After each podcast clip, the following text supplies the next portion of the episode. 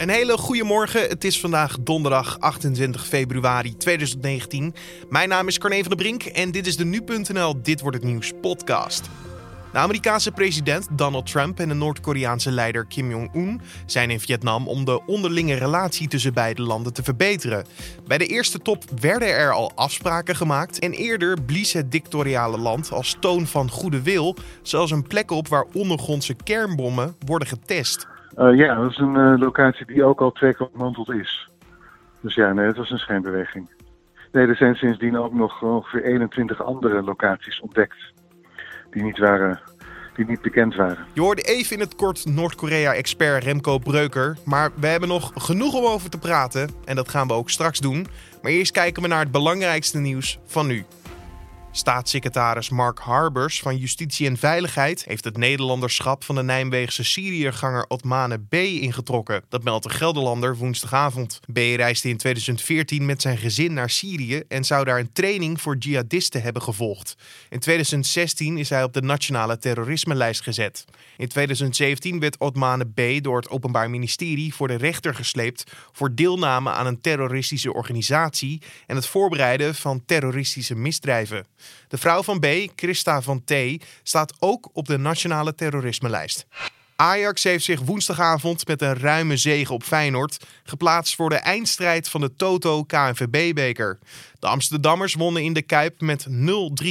Het wordt de 25e bekerfinale van Ajax, maar de laatste keer dat de Amsterdamse club de zilveren dennenappel won is al negen jaar geleden.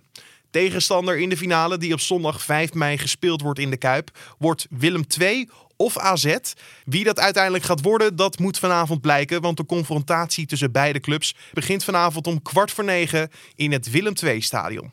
De Amsterdamse brandweercommandant Leen Schaap werd in zijn vorige baan bij de politie berispt na een substantieel bedrag te hebben uitgeleend aan Ad Smit, de van verduistering verdachte oud-politiecommissaris. Dit nieuws smelt de Volkskrant vandaag.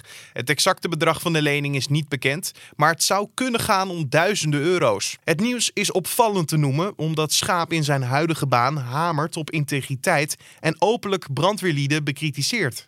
Sportartsen kunnen voortaan niet meer zelfstandig beslissen over het uitschrijven van schildkliermedicatie aan sporters. De NRC-NSF gaat dat verbieden na signalen over misbruik van dergelijke medicatie. Ook dit nieuws was vandaag te lezen in de Volkskrant. Vorig jaar stuurde schaatsbond KNSB al een brief aan alle topschaatsers waarin stond dat er signalen waren over mogelijk misbruik van de medicatie.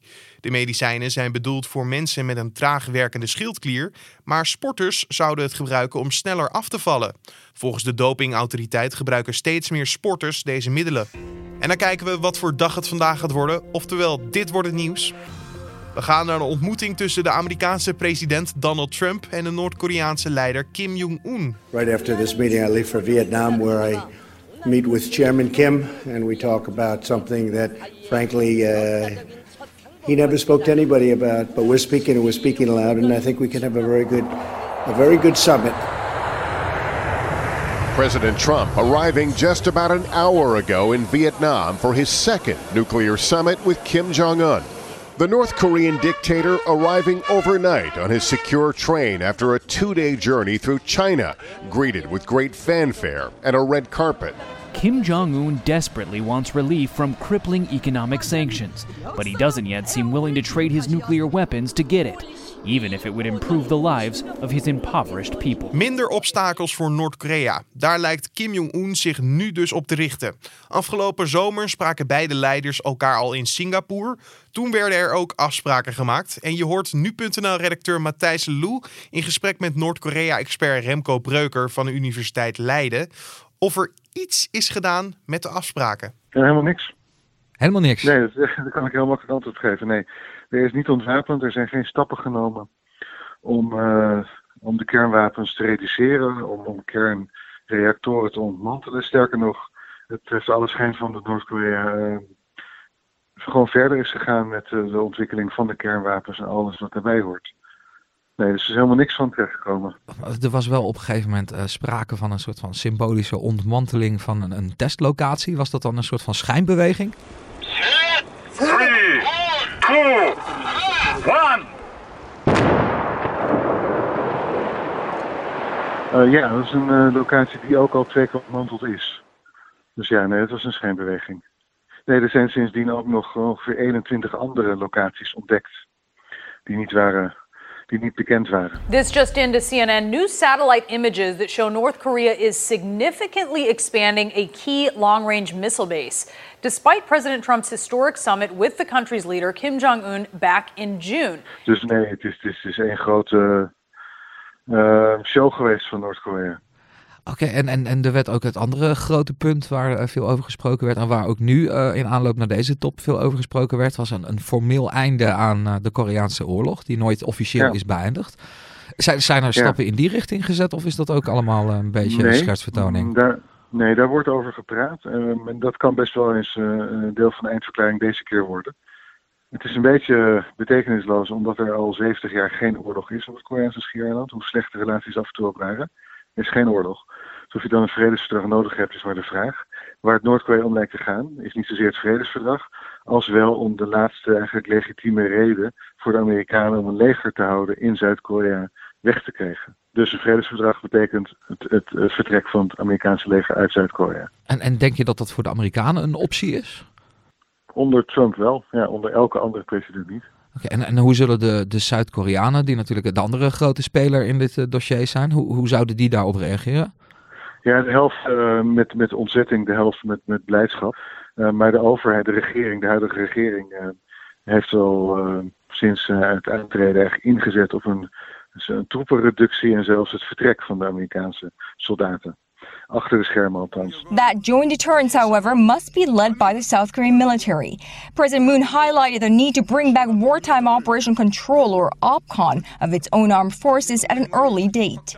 South Korea was originally scheduled to take back the wartime OPCON of its military from the U.S. at the end of 2015, but the transfer was delayed indefinitely. Voor, voor hen uh, komt dit wel uit.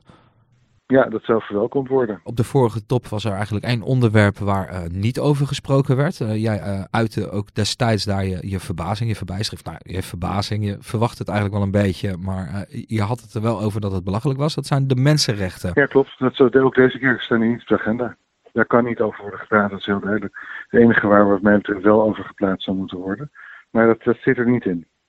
Dus echte veranderingen in Noord-Korea kunnen er dan niet komen als daar niks aan. According to a landmark report from the United Nations, investigators they found atrocities being committed throughout North Korea, including quote extermination, murder, enslavement, torture, imprisonment, rape, and persecution on political, religious, racial and gender grounds. That's a lot. En, en de Amerikaanse president Trump, die, het valt op dat hij zich nog steeds uit in uh, uiterst lovende bewoordingen ja. over, over Kim, die hij uh, nou ja, een geweldige kerel noemt en een visionair leider.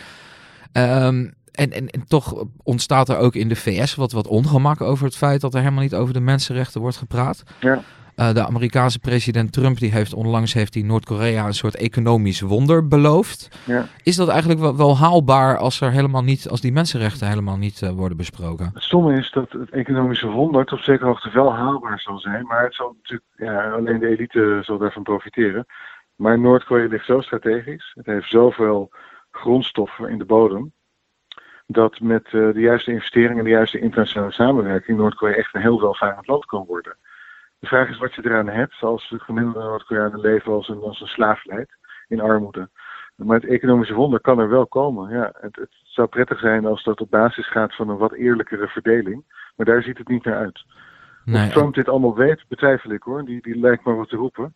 Maar uh, als, je, als je goed kijkt naar uh, wat er aan de hand is, wat voor land Noord-Korea is, wat het zou betekenen als je een treinlijn van, van Busan naar Seoul, Pyongyang, Beijing en naar Rotterdam kan trekken ja, het hele economische potentieel is werkelijk ongelimiteerd. En je had het al eventjes over, uh, nou ja, weer zo'n uh, partij die bijna niet genoemd wordt, de, de Noord-Koreaanse bevolking. Ja.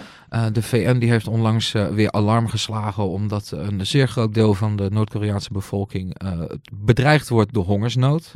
veel mooier kunnen we die maken. Uh, welke berichten krijg jij nu uh, uit dat land? Uit, hoe, hoe gaat het eigenlijk met de ja, bevolking? Daar is niet, niet veel anders aan de hand dan, dan altijd. Want het verbaast me ook enigszins dat zo'n memo was uitgelekt bij de VN. Ik denk ook niet dat het toeval is. Ik denk dat de Noord-Koreaanse ambassadeur inderdaad even iets heeft laten liggen toen hij een kopje koffie bij de Starbucks had gedronken of zo. Of dat het gevonden zou worden. Noord, de Noord-Koreaanse bevolking is al heel lang structureel ondervoed, dat weten we. Er is niks anders aan de hand dan normaal. Maar het is wel een mooie manier om tijdens deze onderhandelingen wat extra te krijgen. Dat is het, denk ik. Meer want, niet. Want, want wat vorige keer zei je ook, uh, eigenlijk uh, het grootste effect van uh, deze gesprekken tussen Trump en Kim is dat het Noord-Korea internationaal meer legitimiteit geeft. Ja. Dat, dat, dat is ook iets waar ze wel, wel zwaar op inzetten, zo te zien. Want Kim die, die speelt de rol ja. ook, ook goed mee. Ja, nee, dat, dat lukt ook. Ja. Ik, wat dat betreft uh, je kan ervan vinden wat je wil, maar het is een geslaagde operatie voor Noord-Korea. En Trump haalt er ook uit wat hij eruit wil halen. Dan heb ik nog een, een, een laatste uh, vraag voor je. Er is veel te doen over Kim Jong-chol, heet die man geloof ik. Een oud, ja, oud veiligheidschef. Die binnen de Noord-Koreaanse delegatie zou gelden als een van de hoofdonderhandelaars.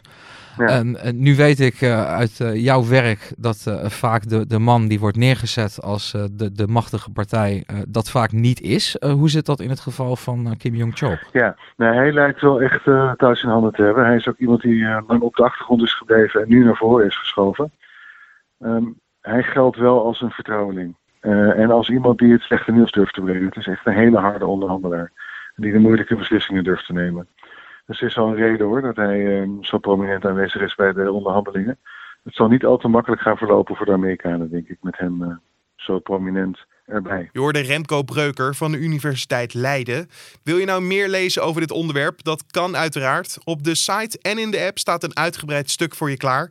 De link vind je in de beschrijving van deze podcast. En verder vandaag gaan Belgische scholieren opnieuw de straat op om aandacht te vragen voor de klimaatproblemen. Het is in België alweer de achtste keer dat er door jongeren gedemonstreerd wordt. En er staan in ieder geval grote marsen op het programma in Antwerpen en Luik. De demonstranten zullen naast het duidelijk maken van de boodschap ook overgaan tot het opruimen van zwerfafval.